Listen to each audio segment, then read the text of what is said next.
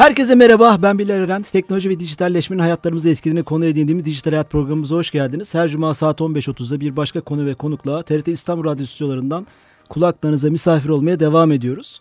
Bu hafta siber dünyada yeni bir güvenlik stratejisi olarak da tanımlanan siber caydırılık konusunu, siber caydırıcılık konusunu konuşmak istedik, ele almak istedik.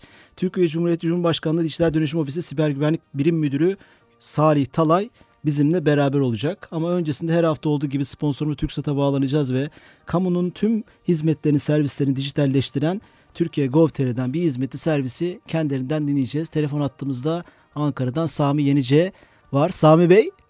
Bilal Bey yayınlar. Hoş geldiniz yayınımıza. Hoş bulduk sağ olun. Bu hafta hangi servis hizmeti bize anlatacaksınız? Evet, geçtiğimiz haftalarda da bahsetmiştik. E-Devlet kapısına entegre ettiğimiz ilk kinleşik hizmetimizden bahsedelim bu hafta yine dinleyicilerimize. Lütfen. Hizmetimizin adı araçlarım. E, araçlarım hizmetiyle üzerinize kayıtlı araçların ceza, vergi, kasko ve trafik poliçeleri, muayene raporları, HGS ve OGS bilgilerine erişebilir, ödeme işlemlerini yapabilirsiniz. Bu hizmet pek çok kurumun işbirliğiyle E-Devlet kapısı altyapısı üzerinden sunulmakta. Araçlarım hizmetine E-Devlet kapısının ana sayfası olan türkiye.gov.tr adresinden ve E-Devlet kapısının mobil uygulamalarından erişmekte mümkün. Her hafta hatırlatıyoruz. Dinleyicilerimizi sahte E-Devlet kapısı sosyal medya hesaplarından uzak durmaları konusunda da uyaralım. Facebook ve Instagram'da E-Devlet kapısı, Twitter'da e-kapı hesaplarıyla güvenli ve doğru bilgiye ulaşabilirsiniz. Harika. Bugünkü konumuza da eşdeğer e, olmuş oldu. Siber güvenlik konuşacağız ve sahte hesaplara dikkat etmek. Dinleyicilerimizi uyarmış olduk. Emeklerinize sağlık. Çok teşekkürler. Teşekkürler yayınlar dilerim.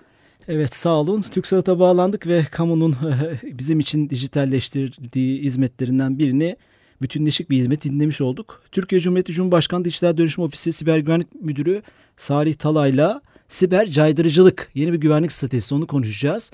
Telefon attığımızda Salih Bey var. Salih Bey. E, merhabalar Bilal Bey, iyi yayınlar diliyorum. Sağ olun, hoş geldiniz yayınımıza. Hoş bulduk, teşekkürler. Nasılsınız öncelikle, sağlığınız? İyiyiz, teşekkürler, sağ olun. Sizler nasılsınız? Sağ olun, teşekkürler. Çalışmalarınızda kolaylıklar diliyorum. Evet, e, e, bu, bu hafta e, bunu konuşmak, bu konuyu gündeme almak istedik. E, özellikle güvenlik denilince e, savunma veya e, saldırı olarak düşünüyoruz devamlı. Ama yeni bir strateji e, belki de siber caydırıcılık. Siber caydırıcılık nedir? E, başlığıyla, sorusuyla başlayalım mı? Tabii ki, hay hay. Ee, siber caydırıcılık aslında çok da yeni bir kavram değil. 1990'larda gündeme gelmiş bir kavram.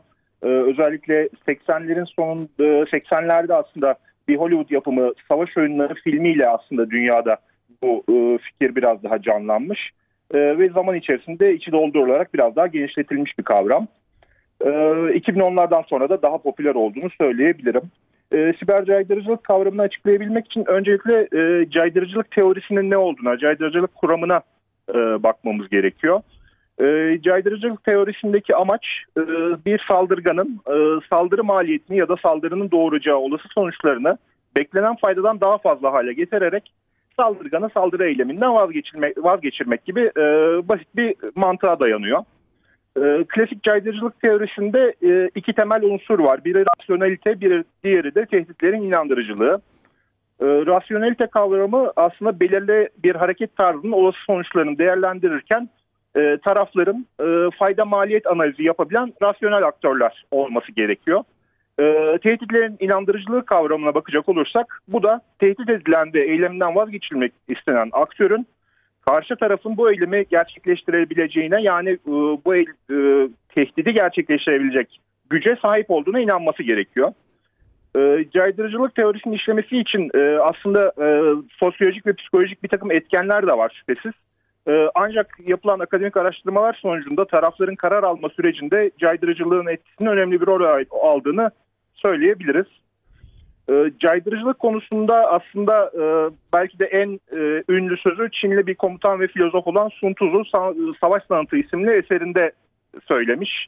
E, düşmana savaşmadan boyun eğdirmek maharetlerin doğ- doruk noktasıdır şeklinde bir değerlendirmede bulunmuş. Hı hı. Yani ee, ka- kabaca şunu söyleyebilir miyiz? Karşı tarafın sizin gücünüzü kabul etmesi, karşısında boyun eğmesi veya bu gücün karşısında yapacağı eylemlerin bir sonucunun olacağını kabul etmesi anlamına geliyor.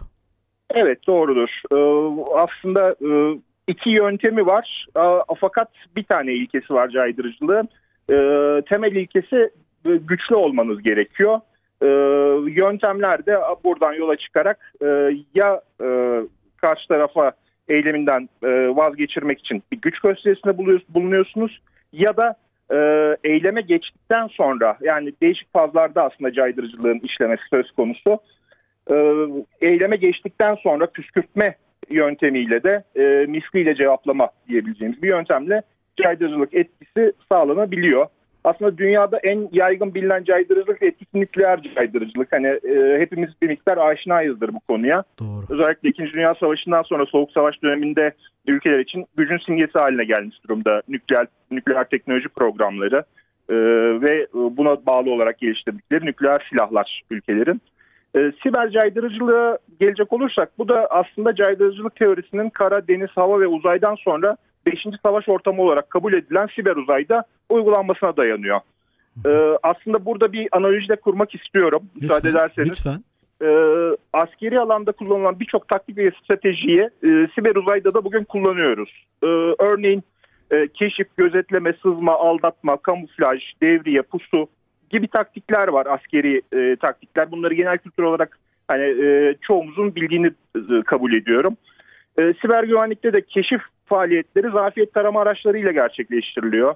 Gözetleme dediğimiz taktiği merkezi siber olay ve kayıt yönetim yazılımlarıyla sağlıyoruz. Sızma zaten doğrudan kelime olarak aktarılmış sızma testleri gerçekleştiriyoruz güvenlik uzmanları olarak. E, aldatma tekniğini daha çok saldırganlar kullanıyor oltalama saldırılarıyla. Kamuflaj tekniğine örnek verebileceğimiz e, kendini gizleyen zararlı yazılımlarla uğraşıyoruz. E, pusu taktiğine bal küp sistemleri ya da tuzak sistemlerle e, aslında e, siber güvenlik dünyasında sıkça karşılaşıyoruz diyebilirim. Hı hı. E, bu saydığım e, askeri taktik ve stratejilerin arasında aslında hani siber caydırıcılıkta e, birçok aslında başka askeri stratejiler de kullanılıyor. E, siber uzayda doğrudan e, saldırganın eylemini boşa çıkarma veya cezalandırma misliyle e, karşı saldırı gerçekleştirme yoluyla saldırganı saldırı eylemini de sürdürmesinden vazgeçti, vazgeçmesine dayanıyor diyebiliriz. Şöyle o zaman şöyle toparlayabilir miyiz bu çerçeveyi? Ee, siber olmayan dünyada var olan bir metodolojinin, felsefenin siber e, dünyaya aktarılmasını görüyoruz son yıllarda ve o tanımların da buna göre yapıldığını görüyoruz. Hatta şöyle bir bilgi vardı bende geçmişten de e, e gündeme geldiği için söylüyorum. 2018'de Trump siber caydırıcılık inisiyatifi isimli bir belge imzalayarak tarihte ilk bu böyle bir strateji belgesi imzalayan ülke ve lider de olmuş. Dolayısıyla bunun siber taraftaki şekillendirilmesiyle ilgili bir kapsam dokümanı olmuş oldu. Yani bir yol haritası. Doğru diyebilir miyiz bunun için? Doğrudur. Kesinlikle aslında siber caydırıcılık kavramı ülkelerin strateji belgelerine 2018'den daha önce de girmişliği var. E, fakat bu alanda e, belki de en net mesajı veren e, siber saldırılara karşı agresif adımlar atarak e, misliyle cevap vereceğini e, duyuran strateji belgesi evet Amerika Birleşik Devletleri tarafından 2018 yılında yayınlanan belge diyebiliriz. Evet aslında biz e, bu programın bu baş, başlangıçta tanımını yapmış olduk. Hani nedir ne değildir. Hı hı. E, biraz e, bunun e, bu siber caydırıcılık için nelere sahip olmak lazım? Hangi yeteneklere sahip olmak lazım? Bu tarafı konuşmadan önce biraz örneklendirelim istiyorum. Mesela e, algı veya PR da halkla ilişkiler çalışması da bir anlamda siber caydırıcının bir ayağı mıdır? Örneğin e, işte çok e, yakından bu konuda ilgili olanlar olsun olmasınlar olmayanlar olsun çok magazinleştiği için söylüyorum bir anlamda Snowden'ın e, Amerika'nın işte NSA adlı kurumundan bazı bilgileri sızdırması ve bunu dünyaya anlatması şöyle bir şeye de sebep oluyor. Dünya Amerika bizi dinliyor. Bu algıyı ve teoriyi de besleyen bir şey. Mesela bu bir siber caydırıcılık e, e, örneği midir? Bir parametresi midir? E, onu söyleyebilir miyiz? Ee, evet kısmen aslında hani burada e, bir e, sosyolojik ve psikolojik tarafları olduğundan bahsetmiştim siber caydırıcılığın. E, bir taraftan Amerika'nın Amerika Birleşik Devletleri'nin e, aleyhine bir takım faaliyetler yürütülürken diğer taraftan da e, bir takım güç gösterileri açığa çıkıyor diyebiliriz. Bu da aslında caydırıcılığı e, sağlamada e, ülkelerin kullandığı tekniklerden bazıları. Bir tanesi evet. Ee, biraz bu yeteneklere hani ne gerekli siber caydırıcı lık için bir ülke, bir devlet, bir toplum için hangi yeteneklere sahip olmak lazım? Altyapı, donanım, yazılım, insan kaynağı olarak neler söylersiniz? Hı hı. Ee, az önce belirttiğim gibi aslında siber caydırıcılığın çok temel bir ilkesi var. Bu alanda siber güç olmak. Ee, dolayısıyla e, ülke çapında güçlü bir saldırı savunma yeteneğinin geliştirilmesi bu alanda çok e, önemli. Güçlüyseniz ancak karşı tarafa e, inandırabiliyorsunuz.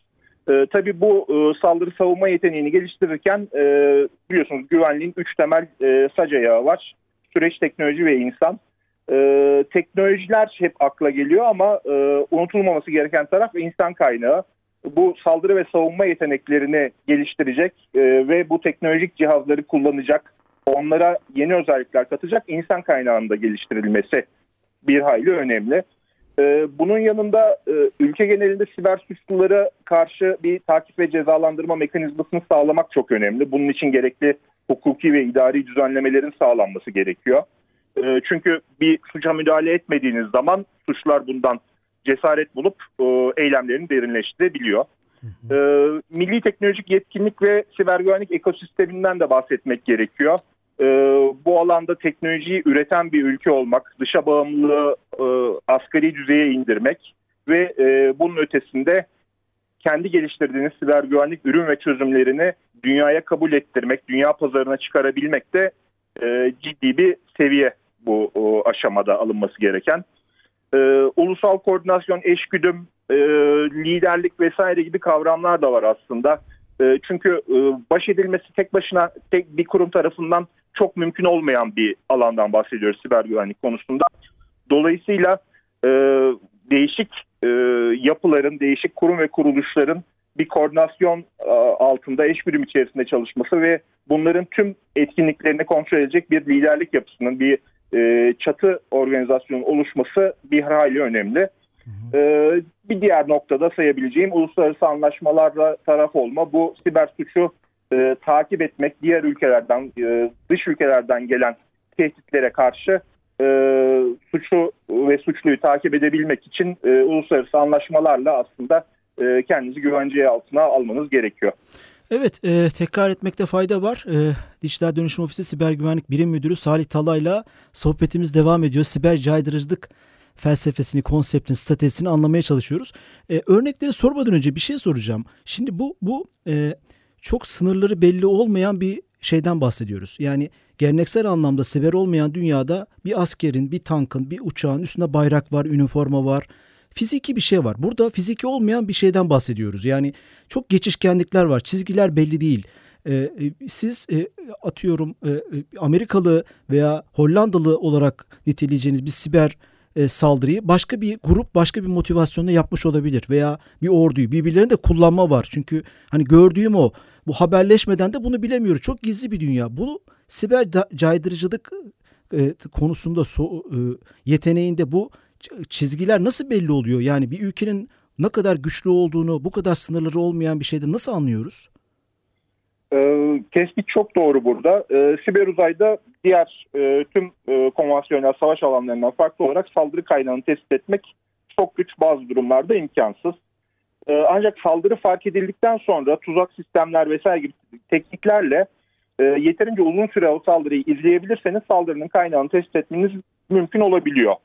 E, bu da aslında saldırganı farklı taktikler kullanmaya, vurkaç taktiği gibi e, kısa süreli saldırılarla ya da e, inşa olması e, riski sebebiyle e, saldırıyı çok daha kısıtlı bir düzeyde tutup saldırmaktan vazgeçmeyle, saldırmaktan kaçınmayla sonuçlandırabiliyor. E, bugün okuduğum bir rapor var. E, servis dışı bırakma saldırıları, DDoS saldırıları ile alakalı. E, saldırıların %92'si ilk bir saat içerisinde sonlandırılmış. E, saldırgan saldırı eylemini e, sürdürmeye sürdürmekten vazgeçmiş. Neden? Neden? Bunun temel sebebi işte az önce bahsettiğim yeterince uzun süre izlediğiniz zaman saldırı kaynaklarına ulaşmanız mümkün olabiliyor. E, bu da e, ifşa olma riskine karşı saldırganın e, saldırıyı belli bir e, süreden sonra e, bir fayda maliyet hesabı aslında e, daha fazla sürdürdüğünde tespit edilme, yakalanma riskine karşı o riski almamak için e, saldırmaktan vazgeçme ya da başka bir yönteme geçme, e, saldırıda yöntem değiştirme gibi bir e, etkiyle sonuçlanıyor. E, tabii burada özellikle bahsetmemiz gerekir. E, servis dışı bırakma saldırıları genellikle tek başına yapılan saldırılar değildir. Yine bir askeri taktik ve stratejiye örnek vereceğim. Sis perdesi ve çapraz ateş taktiklerini aslında uygulamasıdır DDoS saldırıları. Daha karmaşık bir siber saldırıyı gizlemek için aslında güvenlik uzmanlarının e, servis dışı bırakma saldırısıyla uğraşırken arka tarafta daha komplike, daha e, e, dikkat edilmesi gereken bir saldırıyı gerçekleştirmek için e, bir sis perdesi olarak kullanırlar. E, servis dışı bırakma saldırılarını sağlayacağımlar. Yani şunu söyleyebilir miyiz? Kaynağı belli olmayan aslında kaynağın da belli olmasını istemiyor. Kim saldırdı belli olmayacak. Peki kim saldırdı belli olmayan bir savaşta örneğin şimdi örneklerini soracağım. İsrail'in, Amerika'nın, Fransa'nın siber caydırıcı konusunda çok güçlü bir ülke olduğunu söylemek ne kadar e, ne kadar doğru? Dolayısıyla başka bir argümanı ortaya çıkarıp bunun PR gücünü mü işte medyasını mı kullanarak biz çok güçlüyüz demeye çalışıyorlar. Yani e, e, madem kaynaklar belli değil çok flu bir alan var orada. Onu belki provokatif bir soru ama bunu öğrenmeye çalışıyorum. Ee, bahsettiğim uluslararası anlaşmalara taraf olma aslında e, saldırının izlerini takip etme için önemli bir faktör.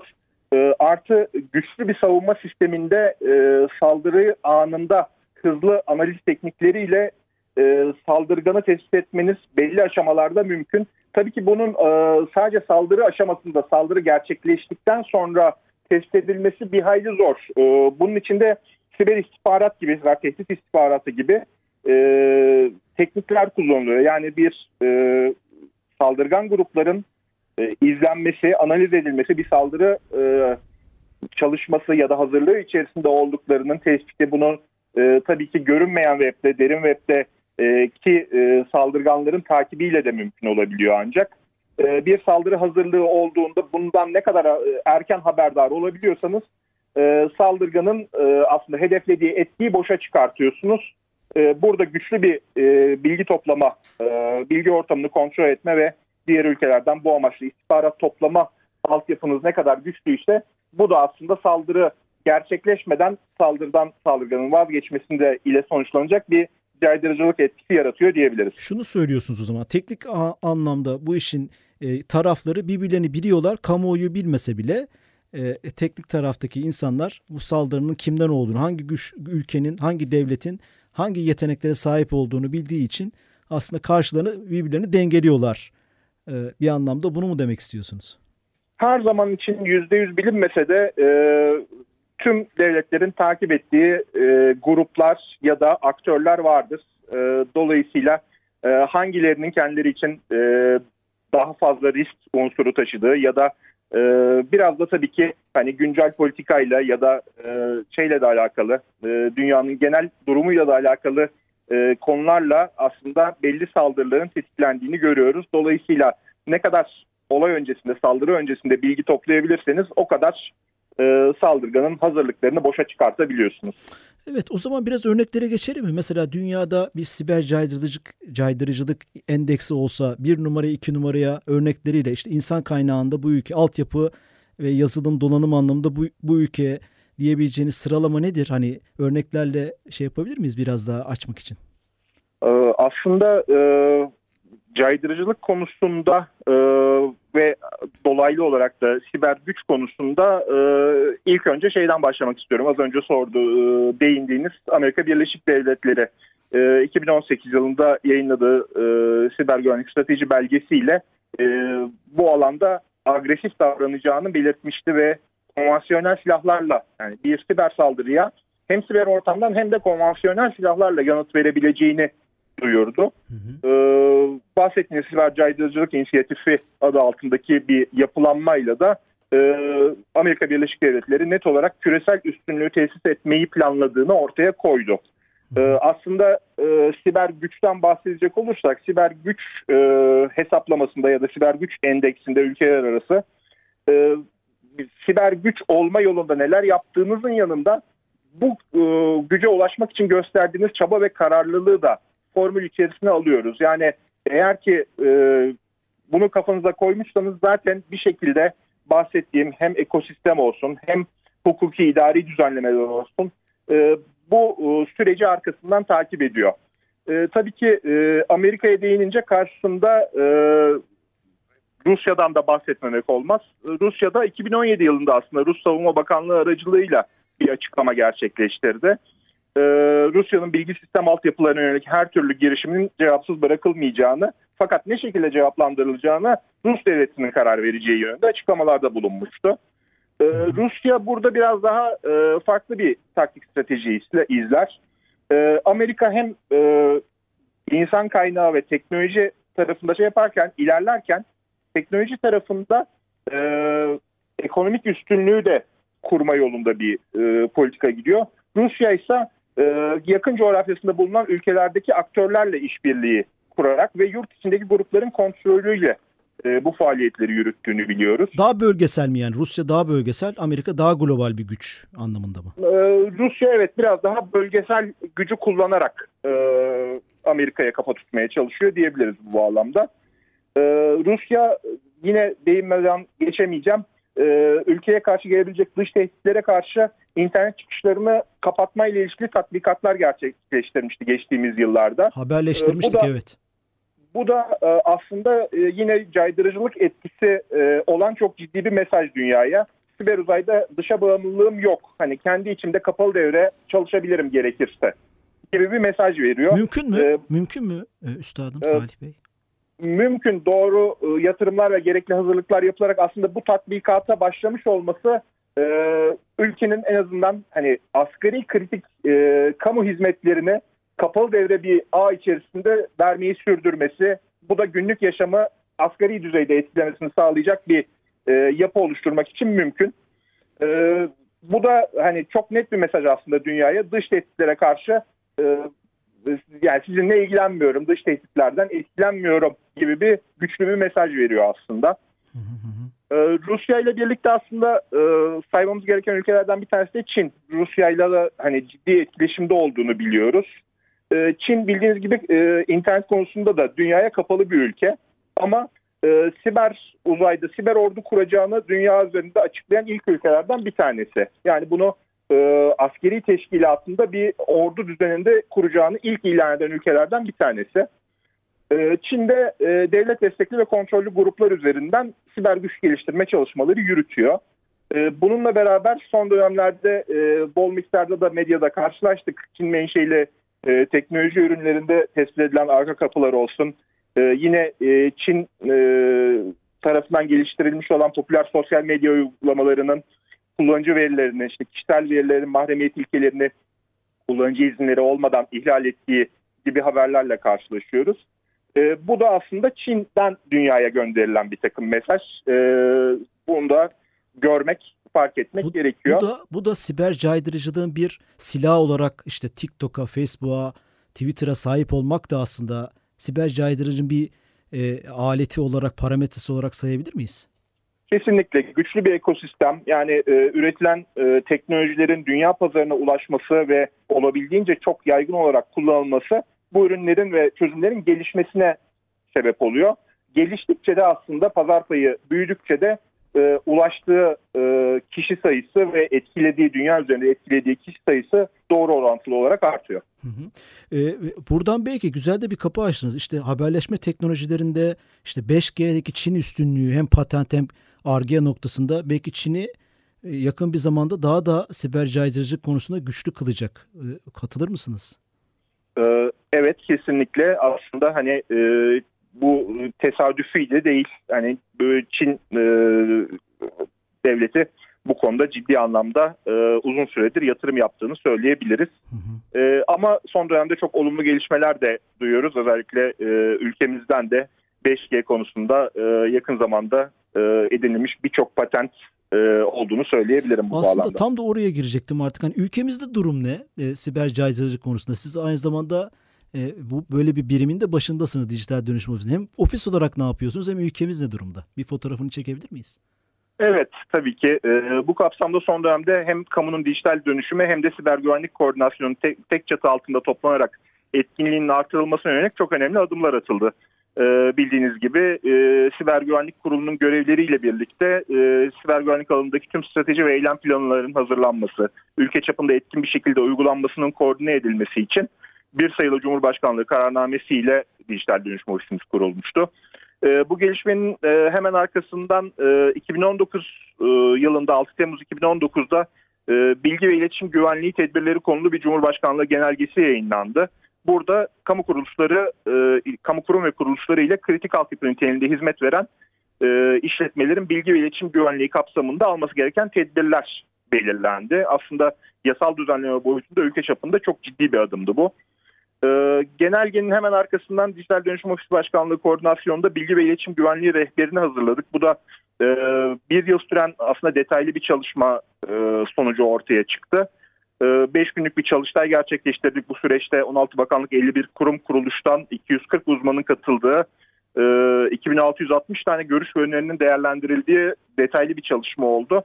Bu da aslında ülkemizin siber uzayda mukavemetini güçlendirecek ciddi bir referans döküman olma niteliği taşıyan bir rehberle sonuçlandı bu çalışmalar. Şöyle diyebilir miyiz? Bireysel siber caydırıcılık içinde önayak olmuş oldu. Yani onun içinde bir kaynak olmuş oldu diyebilir miyiz? Kesinlikle. Rehber e, sadece kamu kurumlarını ilgilendirmiyor. Kritik altyapıları da ilgilendiriyor. E, ve fakat birey olarak e, herkesin e, alması gereken bir takım güvenlik önlemleriyle ilişkili e, tüyolar da içeriyor. Bu bağlamda e, bireysel güvenlikle başlar zaten siber güvenlik dediğimiz olgu. E, ve hani insan temelli olarak insanı güvenli hale getirmezseniz hiçbir zaman e, sistemleri güvenli hale getiremezsiniz.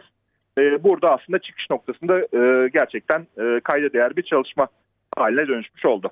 Evet son bir dakikada şunu soracağım. Sizin biriminizdeki durum ne insan kaynağı açısından yeni projeler anlamında? Son bir dakika. Tamam tabii ki hızlıca özetlemeye çalışayım. Ee, siber güvenlik daire başkanlığı altında çalışıyoruz. Ee, şu anda e, ekibimiz hızla genişliyor. Ee, aslında çok büyük projelere e, başladık an itibariyle. Ee, özellikle bahsettiğim Türkiye'nin e, gelişimde en öncelikli alanları olan siber istihbarat, siber tehdit istihbaratı konusunda büyük ölçekli bir çalışma yürütüyoruz. Bunun dışında kamu kurumları arasında güvenli haberleşme e, sistemleri için e, milli siber güvenlik teknolojilerinin e, Türkiye siber güvenlik kümelenmesiyle birlikte e, tüm e, dünyaya yayılması, Türkiye pazarından dünya pazarına ulaşması için bir takım faaliyetler yürütüyoruz. Yine Türkiye'nin siber taarruz kabiliyetleri, ofansif e, güvenlik dediğimiz konsepte bir takım güç geliştirecek e, gerek e, bayrak yarışı, gerek tatbikatlar vesaire gibi yarışmalar düzenliyoruz. Bunun dışında e, politika, strateji, eylem planları gibi bir takım düzenlemeler, ulusal organizasyonda yapılan düzenlemelerle birlikte aslında birçok mecrada e, mücadele veriyoruz diyebilirim. Harika. Çok teşekkür ederiz. Şeref verdiniz. E, çok da güzel bir aslında çerçeve çizmiş olduk. E, ağzınıza sağlık. Tüm çalışmalarınızda da başarılar dilerim. Ben çok teşekkür ediyorum. Tekrar iyi günler diliyorum. Sağ olun.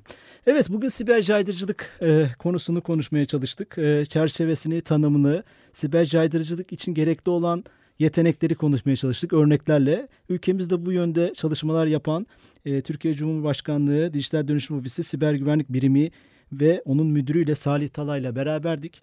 E, detayları konuşmaya çalıştık. Haftaya yeni bir konu ve konukla beraber olacağız. Bu programımızın kayıtları da podcast'te ve YouTube'da pazartesine itibaren bulabilirsiniz. İyi hafta sonları, hoşçakalın.